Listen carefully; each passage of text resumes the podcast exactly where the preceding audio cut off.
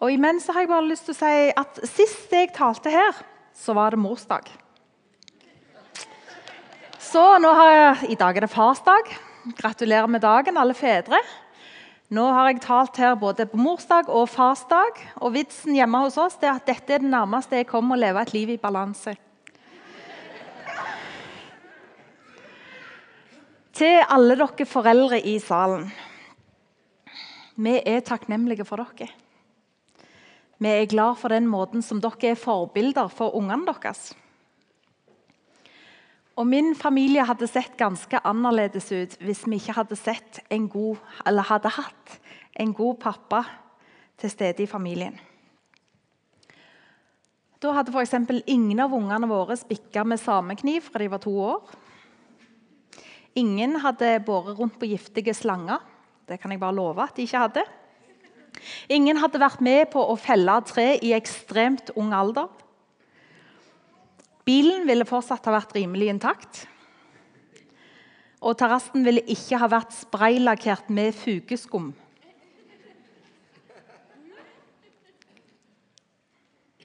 Og Hvis noen har lyst til å ha detaljene om det, så har dere allerede truffet min mann som sto her og snakket om helbredelsesrommet. Føl stor frihet til å gå og spørre han etterpå. Oppsummert det kunne lett ha blitt kjedelig uten fedrene. Hvis du har en far, så ring han etterpå og si at du er glad i han. Eller enda bedre gå på besøk. Gratulerer han med farsdagen og si at du er takknemlig for at han er til. Fedre er viktige. De får speile en farskjærlighet som har sitt utspring i Gud. Mann og kvinne ble skapt i Guds bilde og viser ulike sider av Gud.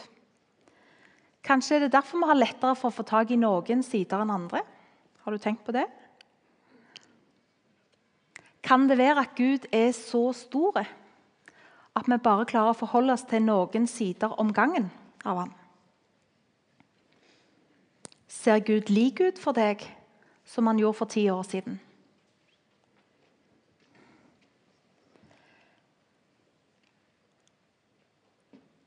Det er en fattig sammenligning. Men jeg ser litt for meg at det er nesten sånn som om vi snakker om en, en fjern verdensdel. Steve kommer her og snakker om at han akkurat kom fra Asia. Kanskje har du et bilde av hvordan Asia ser ut. Og Så begynner du å reise litt, og så finner du ut at Asia er så mye mer enn det. Det lar seg ikke summere opp i noen få setninger. Eller for å ta et annet eksempel. Se for deg at du skal forklare noen hvordan luft er. Du vet du er der. Du er helt avhengig av den. Og jeg er temmelig sikker på at du ville merke hvis du ble vekke. Og Allikevel er det helt umulig å beskrive noe. Akkurat når jeg tror at jeg har begynt å forstå hvem Gud er, så skjer det noe som sprenger mine rammer og min forståelse. Det kan være noe jeg hører om Gud, noe jeg sjøl tenker, noe andre har opplevd. Kan det være at vi er avhengige av hverandres blikk? For å få øye på Guds karakter? Hvordan er egentlig Gud? La oss gjøre et lite eksperiment. Fortell meg nå hvordan Gud er. Helbredende. I godt humør. Ja. Herlig. Trofast. Kreativ. Pappa. Allmektig. Raus. Hellig. Humoristisk. Videre. Fred, ja. God. Kjærlighet. Flere? Stor. Er det kanskje noen som syns at han er litt stille? Fraværende krevende. Hvis det er sånn for deg, så er det helt greit. Noen ganger så går vi gjennom ting som gjør at det blir vanskelig for oss å få øye på hvem Gud er. Og For andre så kan det være sånn at du aldri har blitt kjent med Gud. Og det er òg helt greit. Han liker å få en anledning til å bli kjent med deg. Før vi går videre, så vil jeg bare be litt. Gud, takk for at du er her. Vi ber om at du åpner øynene våre og ørene våre, sånn at vi kan få se deg sånn som du er, og høre hva du har å si til oss. Amen. Vi skal slå opp i Bibelen, i Johannes evangelium. Noen har det kanskje på telefon, andre har kanskje denne årgangsutgaven som jeg har. Og Hvis dere har det, hvis dere har papirutgaven, så er det altså, skal vi fram til Johannes kapittel 5. Og det finner du i denne nye utgaven her, så finner du den på side 1213. Johannes 5, vers 19-20. Jesus tok til orde og sa til dem.: Sannelig, sannelig, jeg sier dere. Sønnen kan ikke gjøre noe av seg selv men bare det han ser sin far gjøre. Det far gjør, det gjør også sønnen. For far elsker sønnen og viser ham alt det han selv gjør. Og han skal vise ham større gjerninger enn dette, så dere skal undre dere. Ganske kjent tekst.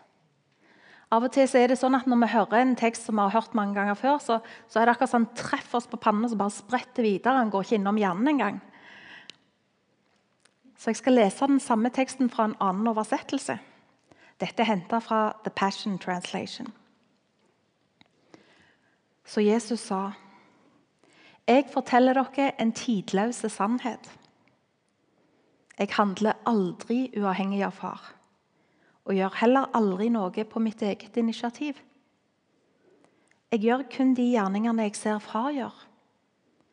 For sønnen gjør det samme som sin far.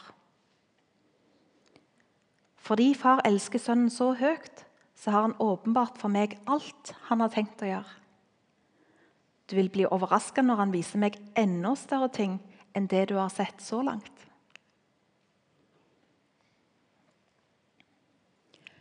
Jesus gjorde altså det som han så far gjøre, som han så Gud gjøre.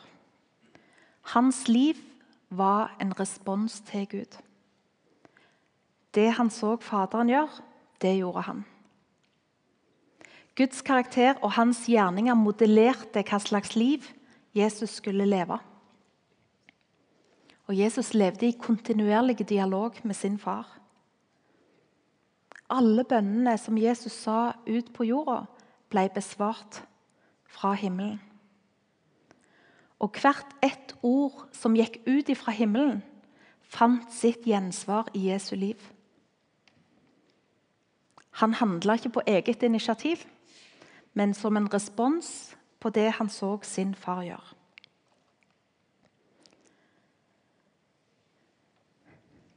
Det siste året, eller de siste åra, får jeg si, så har jeg oppdaget ei side ved Gud som jeg ikke kjente til fra før.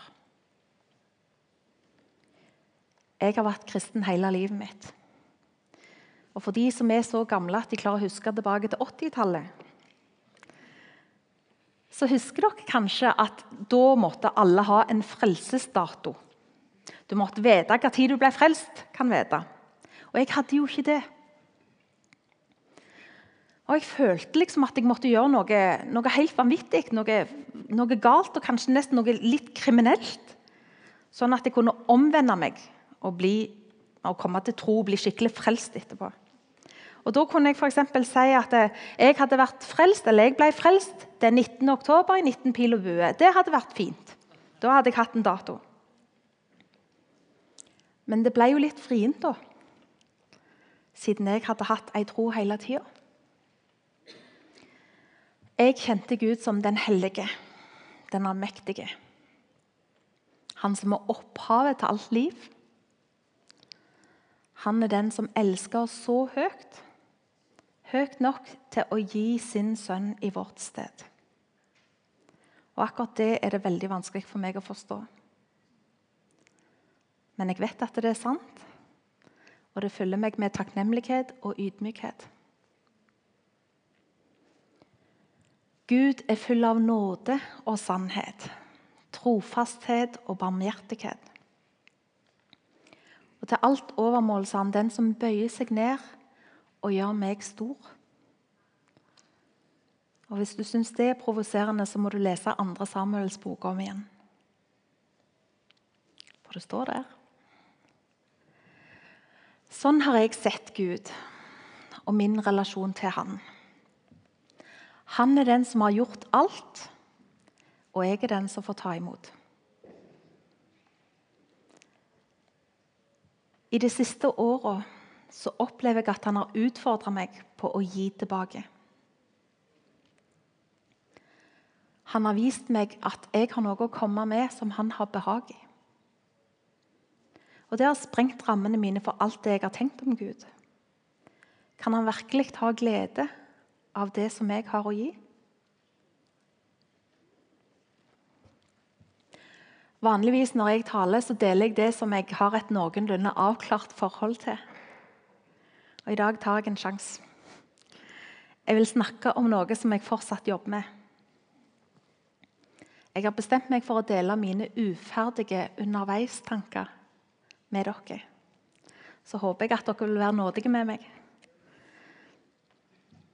Kanskje kan vi gå noen skritt sammen som fører til at vi sammen får større forståelse. Er det greit? Ja, takk. Min utfordring for tida er denne. Jeg opplever at Gud kaller meg til lydighet.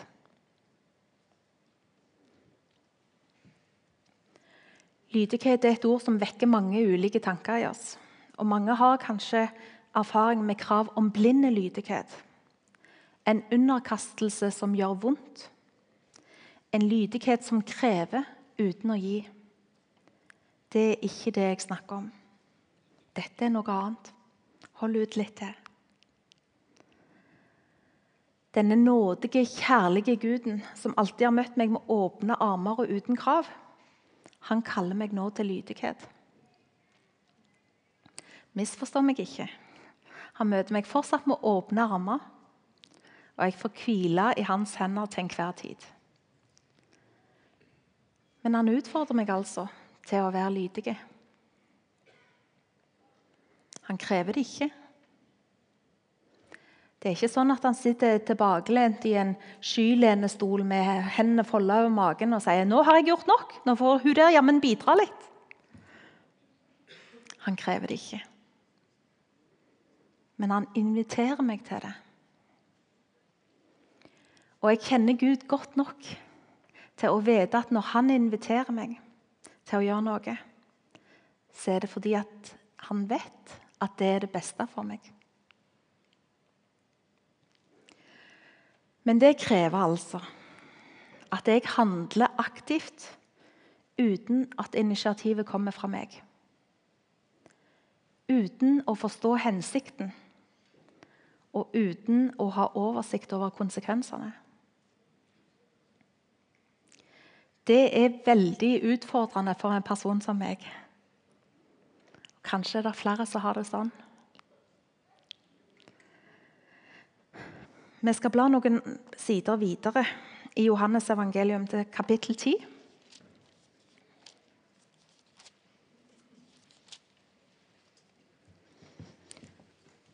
Skal jeg bare drikke litt vann mens dere finner det fram? Johannes 10, 11-15.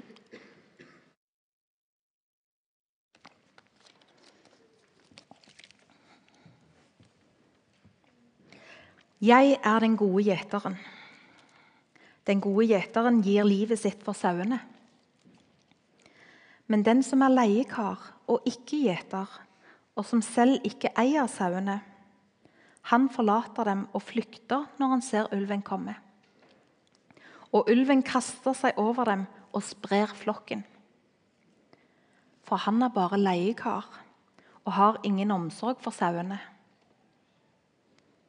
Jeg er den gode gjeteren.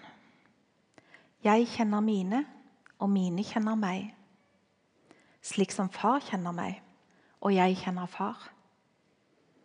Jeg gir livet mitt for sauene. Datt du av igjen? Vil du ha teksten en gang til i en annen versjon? Mm -hmm. Ok. Her er The Voice-oversettelsen. Jeg er den gode hyrden. Den gode hyrden legger ned livet sitt for de sauene som er i hans varetekt. Den innleide arbeideren vokter ikke sauene sånn som hyrden. Når ulven angriper, glefser og sprer sauene, da springer leiekaren for livet og etterlater sauene forsvarsløse. Leiekaren springer fordi han jobber kun for å få lønn. Han bryr seg ikke om sauene. Jeg er den gode hyrden. Jeg kjenner sauene mine, og sauene mine kjenner meg. Som far kjenner meg, kjenner jeg far. Jeg gir livet mitt for sauene.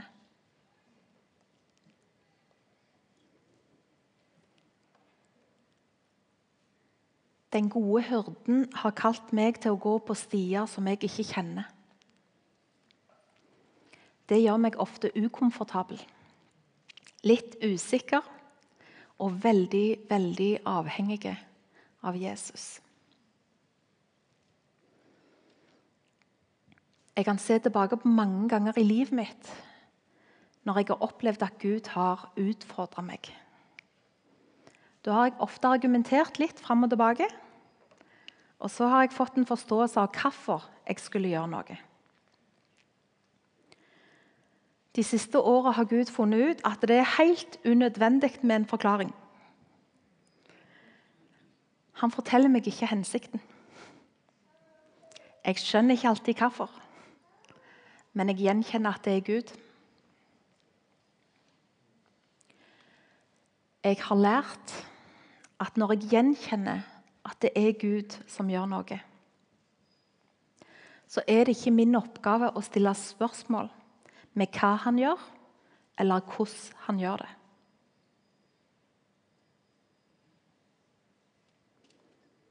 Jeg stoler på at hyrden har bedre oversikt enn jeg har, og at han verner mitt liv med sitt eget.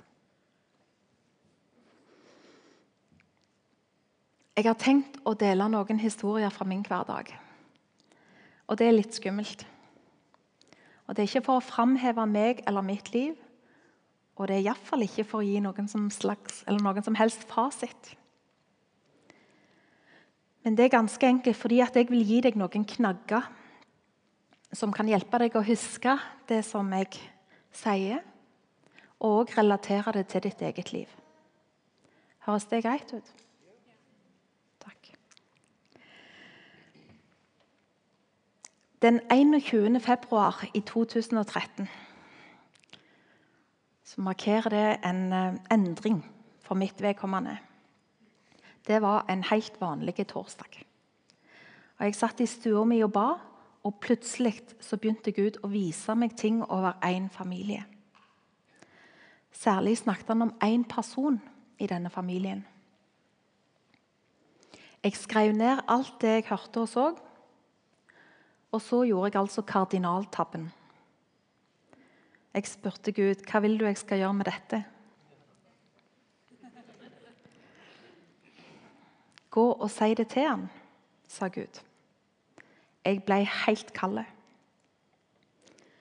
Ikke kjente jeg denne personen. Jeg hadde møtt folk i familien hans noen få ganger, men det var på ingen måte sånn at jeg hadde fått et vennskap med dem på det tidspunktet. der. Jeg argumenterte med Gud og sa at jeg ikke kjente dem. Og at jeg ikke syntes at jeg hadde vunnet retten til å tale inn i livet deres. Det syns jeg sjøl var et veldig godt argument. Gud var helt stille. Og jeg kom med et febrilsk 'Men jeg vet ikke hvor han bor'. Og Gud var helt rolig da han svarte, 'Men du vet hvor han jobber'. Og jeg ble helt satt ut.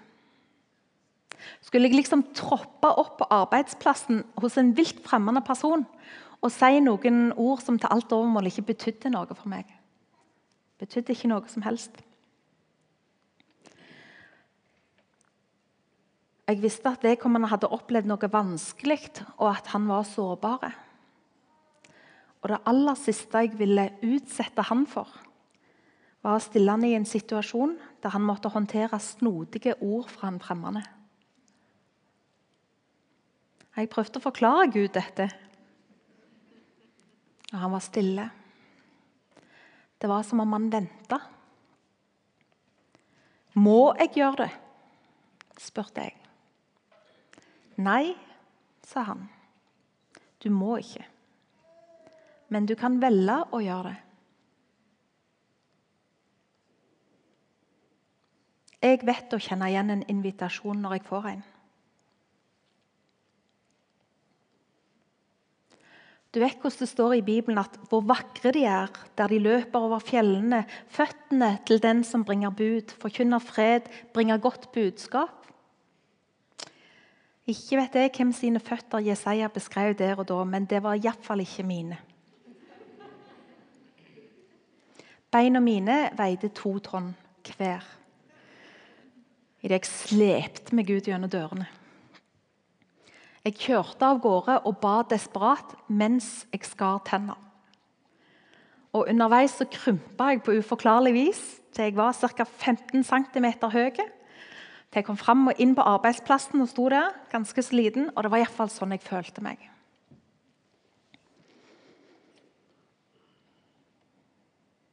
Jeg blir til og med litt småuggen nå når jeg skal fortelle det.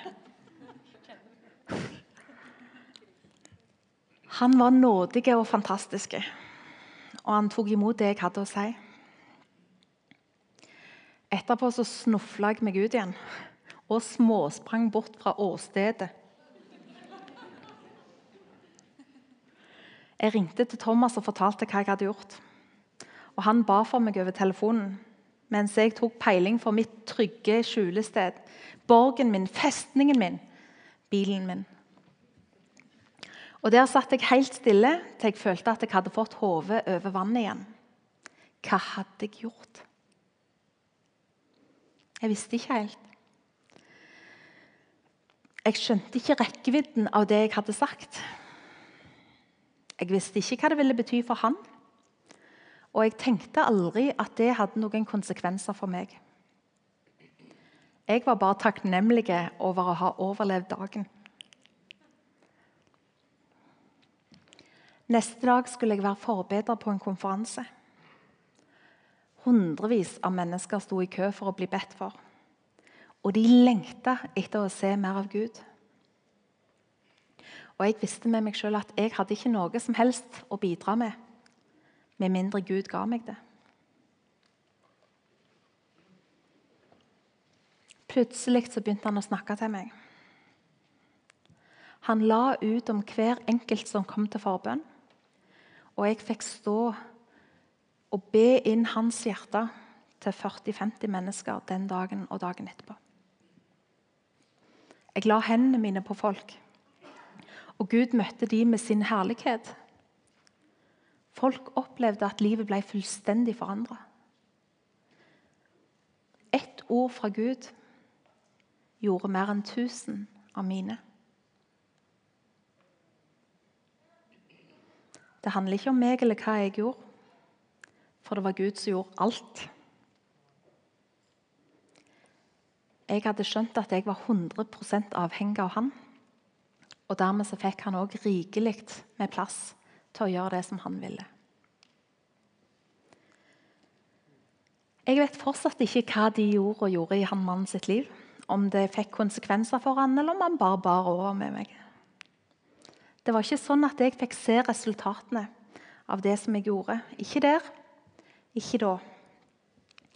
Men jeg fikk se litt av hva det gjorde med andre i dagene som fulgte et helt annet sted.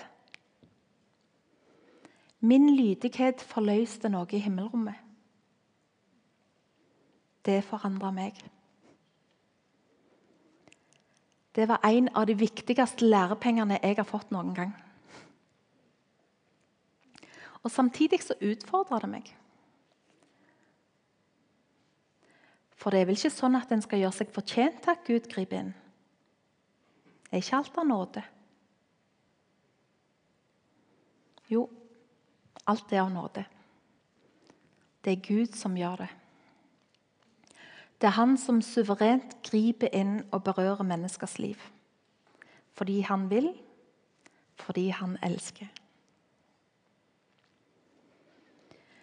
Og Likevel så var det helt tydelig for meg at det skjedde noe idet jeg slepte meg over dørterskelen på vei til denne mannens arbeidsplass. Jeg valgte å gå på det som jeg ikke forsto.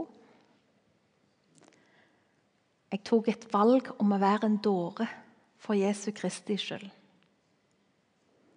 Eller som det står i message-oversettelsen av 1. Korinterbrev 4.10.: We are the Messiah's misfits. Det så ikke nødvendigvis så bra ut, men det var heller ikke viktig. Jeg gikk fordi jeg kjente hyrdens stemme, og fordi jeg visste at han var god. Denne sauen her fant ut at hyrden hadde hakket mer overblikket enn det jeg hadde, og at jeg kunne stole på at han ville lede meg. Så gjorde han det. Da jeg sa fra meg mitt, mitt krav på å framstå bra Min rett til å diktere hvordan ting skulle foregå mitt krav på å vite konsekvenser før jeg handler. Da jeg ga avkall på retten til å se ut som jeg faktisk hadde peiling på hva jeg holdt på med, og da jeg bestemte meg for å handle selv om jeg ikke visste, da slo Gud ned på underfullt vis og gjorde det som menneskelig sett ikke var mulig. Og for alle de menneskene som kom til forbønn og ble møtt av en berøring fra Gud, så var det det som betydde noe. Ikke hvem jeg var, eller hva jeg framsto som, men at de fikk møte Gud ansikt til ansikt. Det ble mindre av meg, og da ble det plass til mer av Gud. Samtidig så fikk jeg oppleve fantastiske ting som jeg aldri før hadde sett og vært med på. Og Sånn er det jo gjerne da, når vi blir med på det som Gud gjør. Det er når vi er 15 cm høye, at han gjør oss store.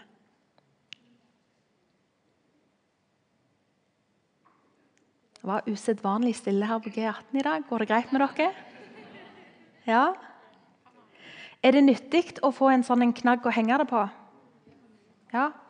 OK. Vil dere ha en til? OK. Her er en historie fra heimen.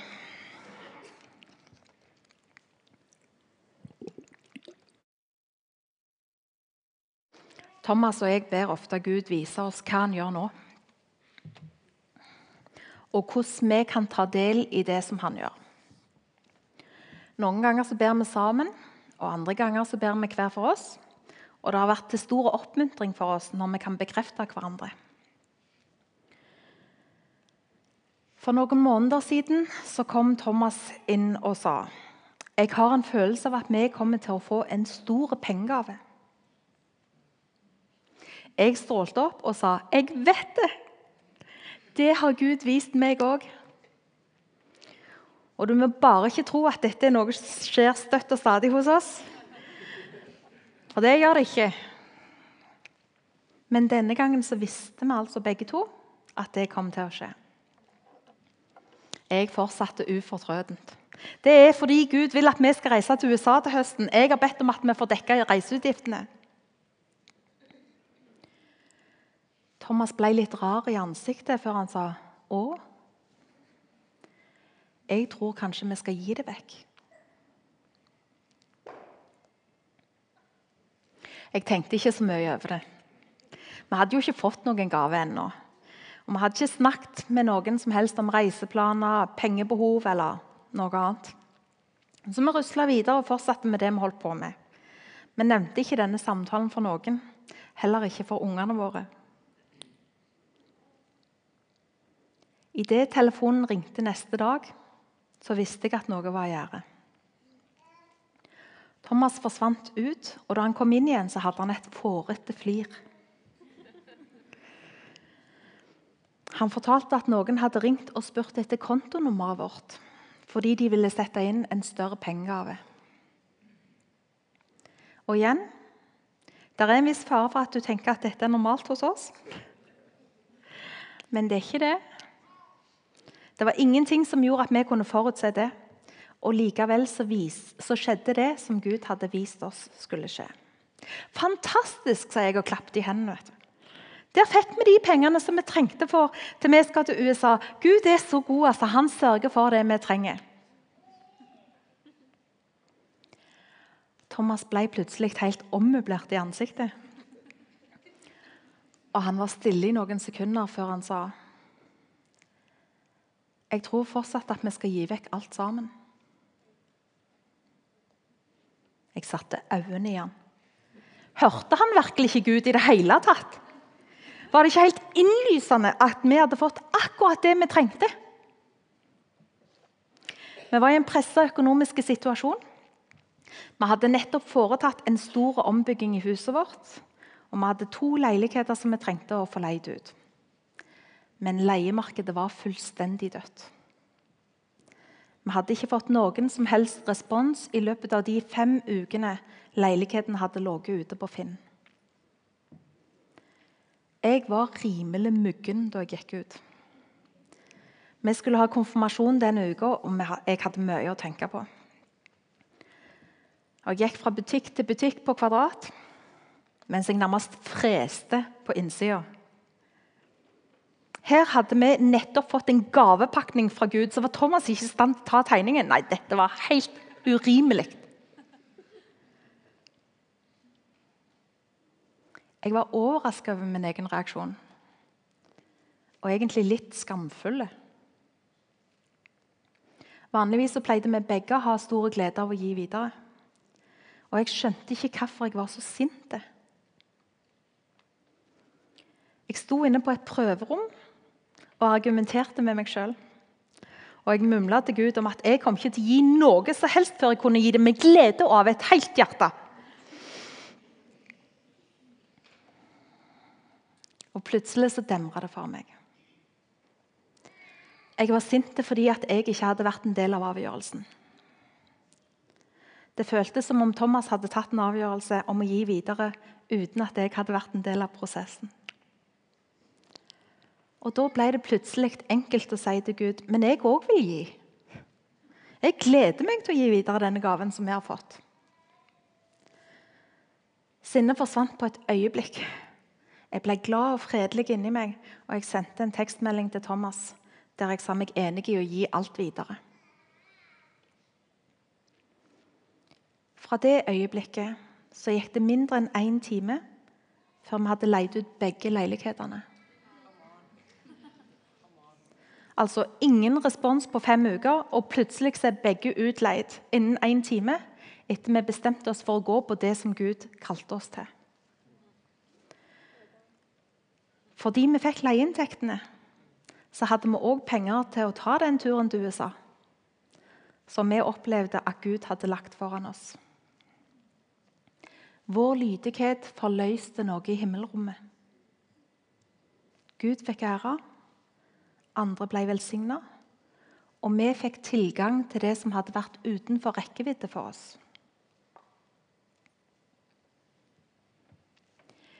Gud er ikke en salgsautomat der du hiver på 20 kroner i den ene enden og får ut en snickers i den andre. Det handler ikke om hva vi har gjort eller ikke. Han lar seg ikke manipulere. Poenget er at vi tok imot invitasjonen som han rakte oss. Uten å vite. Uten garantier. Uten forhandlingsrett.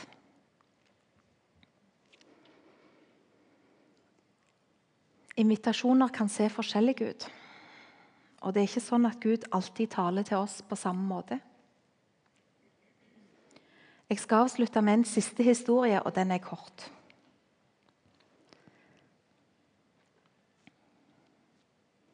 Min far gikk hjem til Jesus i fjor høst og har tidenes beste farsdag i himmelen i dag. Utover høsten så ba vi mye for mor. Thomas og jeg minner Gud om at hun er en av våre. Og at vi ville at enhver velsignelse som regna over oss, òg skulle falle på henne. Og Av og til så ber du ting som du ikke aner omfanget av. Men dette var tydeligvis en bønn som Gud hadde lagt ned i hjertet vårt, og som vi fikk lov til å be ut. La enhver velsignelse som regner over oss, òg falle på henne. I løpet av vinteren så hadde vi en inspirasjonssamling med Helbredelsesrommet. Jeg var egentlig ganske trøtt, og det var Thomas òg. Vi hadde travle uker bak oss, og det hadde vært lett å tenke at dette her var bare én ekstra ting som vi skulle delta på. Men vi bestemte oss for å gi alt. All in. Og sammen med de andre så søkte vi Gud i lovsang. Ikke fordi at programmet tilsa at vi skulle synge så og så lenge, men bare fordi vi ville være sammen med han. Vi var ca. 40 mennesker i ei stue og tilba. Noen lå, noen knelte, noen satt, noen sto. Felles for alle var at det var kun de og Jesus. På et tidspunkt så var det helt stille. Og Det var en sånn hellighet som hvilte over rommet. Det var som om vi satt med beina til Jesus. Vi ville bare være i det gudsnærværet, og at det aldri skulle ta slutt. Og plutselig så ringer telefonen min. I veska. De andre lo, men jeg var rimelig flau da jeg fiska opp telefonen og, så at det var mor som ringte. Og Jeg gikk ut på gangen for å svare. Hun grein i andre enden. Du vil ikke tro hva som har skjedd med meg, Mariann, sa hun. Så fortalte hun om hvordan hun hadde sittet i stolen sin i stua og lest i et blad mens broren min holdt på å fikse TV-en hennes. Og Plutselig hadde hun sagt nei, men hvordan er det jeg ser ut? Mens hun kosta av en mengde gullstøv som lå over klærne hennes. Broren min så på henne og utbrøt «Eh, mor, det der ser ut som sånt gullstøv fra Gud. Hva sier du? sa mor og småsprang ut på badet for å se i speilet. Og Bror min kunne se gullstøvet som lå igjen på gulvet der hun hadde gått. Og Av og til så gjør Gud nettopp dette. Han gir oss et synlig glimt av sin herlighet. Det er som om han åpner himmelen for oss og lar oss få del i herligheten hans på en måte som vi kan forstå. Noen ganger så dekker han oss med gullstøv eller med olje. Han lar oss få del i seg sjøl på en håndfaste og synlig måte. Hva var så fruktene? Hva gjorde dette med mor? Gud har flytta inn i stua mi, sa hun. Hun visste at han alltid så henne. At han aldri ville slippe henne, og at hun var inderlig, inderlig elska. Fordi vi tilba et annet sted, ble Guds herlighet forløst inne i stua hennes.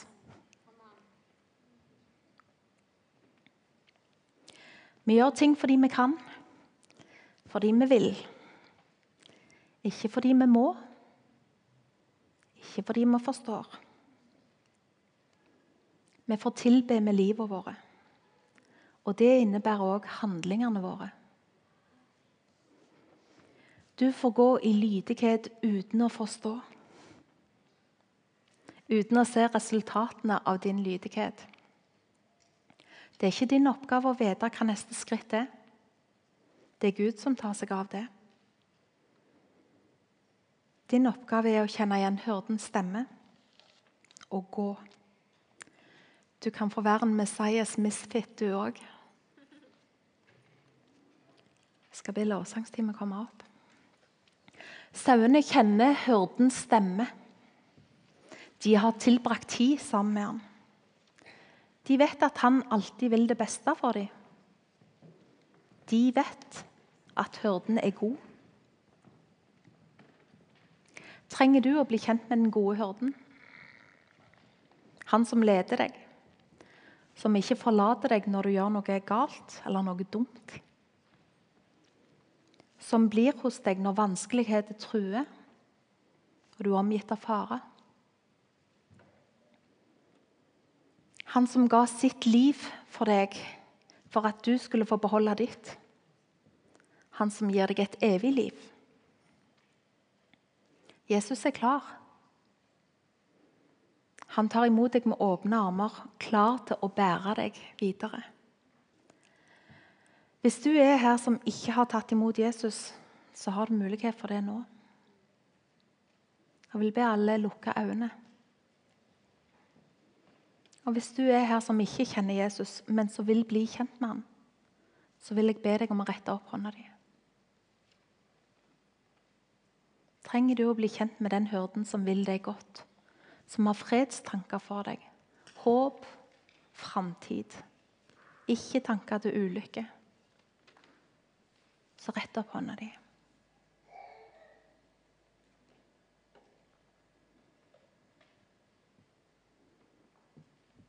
Jeg sa Gud velsigne deg.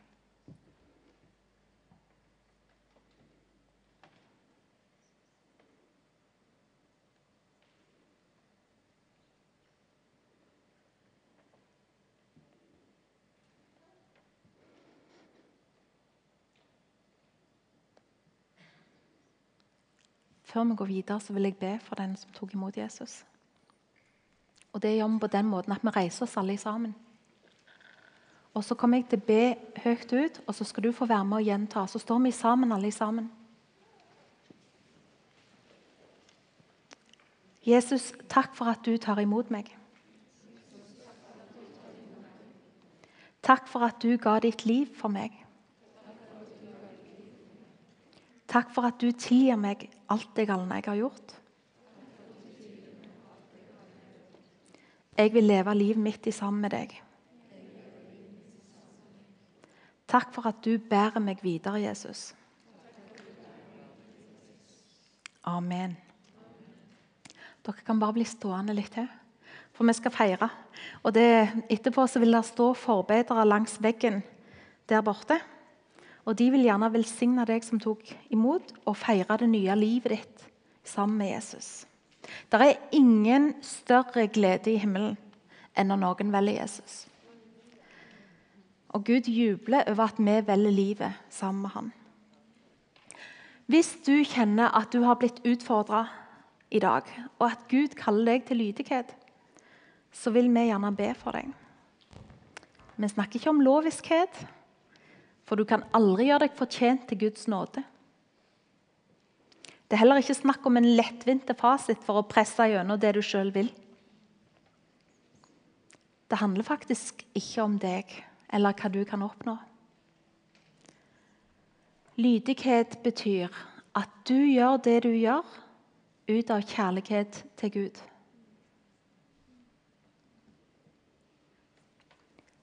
Kong David sa at han ville ikke gi noe til Gud som ikke kosta noe. Du får lov til å gi Gud noe som koster deg noe.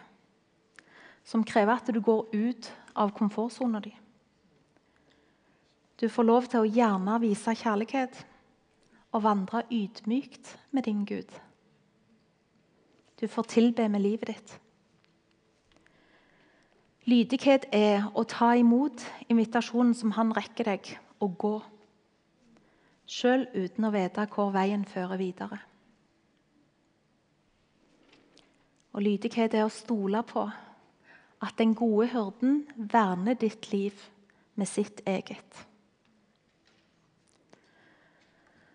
Da vi var samla før, før gudstjenesten i dag så lytter vi etter kunnskapsord. Vi lytter etter hva er det Gud vil gjøre, hva, hva vil han berøre. Og jeg har tenkt å hive meg utpå her. Um, Jeg tror at det er Ja, la meg si først. Kunnskapsord er altså, som Thomas nevnte tidligere, at Gud peker på noe. Han sier noen som han vil møte. Han kan gjerne gi spesifikke detaljer om det for å vise at han vil møte den. At det er for at vi skal kjenne igjen og ja, det gjelder meg. Ok? Ok. Jeg så en gründer som var i ferd med å utvikle et nytt mekanisk produkt. Er det noen som kan gi meg et tegn her, så jeg vet? Husk nå på at jeg øver meg i dette gründer som er i ferd med å utvikle et nytt mekanisk produkt. Ok. Hvis du kjenner igjen etter hvert Så vil jeg at Gud, du skal vite at Gud ser på det du gjør, med velvilje. Han har behag i at du bruker evnene dine. Og han vil si deg at det er han som har gitt deg kreativiteten din. Og Hvis du kjenner igjen etterpå at jo, dette her var meg, så vil jeg oppfordre deg til å ta kontakt med Thomas, som står på første, første rekke her. For jeg tror at han skal be over deg.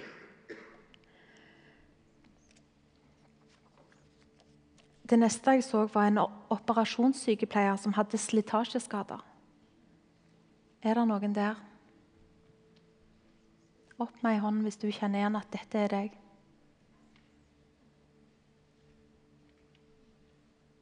Ja. Gud vil møte deg. Og Han sier noe om at han liker at du eh, prøver å skape en kongerikekultur på arbeidsplassen din. At han ser det, han liker det, og han er med i det. Sørg for at du går bort, at det er noen som ber over deg og velsigner deg etterpå. Jeg så òg at det var en skade på øret som er et resultat av vold. Jeg forstår at det kan være vanskelig å gi en tilbakemelding på. Så jeg vil bare si hva jeg så. Jeg så at Gud brøt lenkene dine, og at han gjorde deg hel igjen. Og Hvis du kjenner igjen at dette gjelder deg, så kommer du bort og, og får noen til å be for deg etterpå.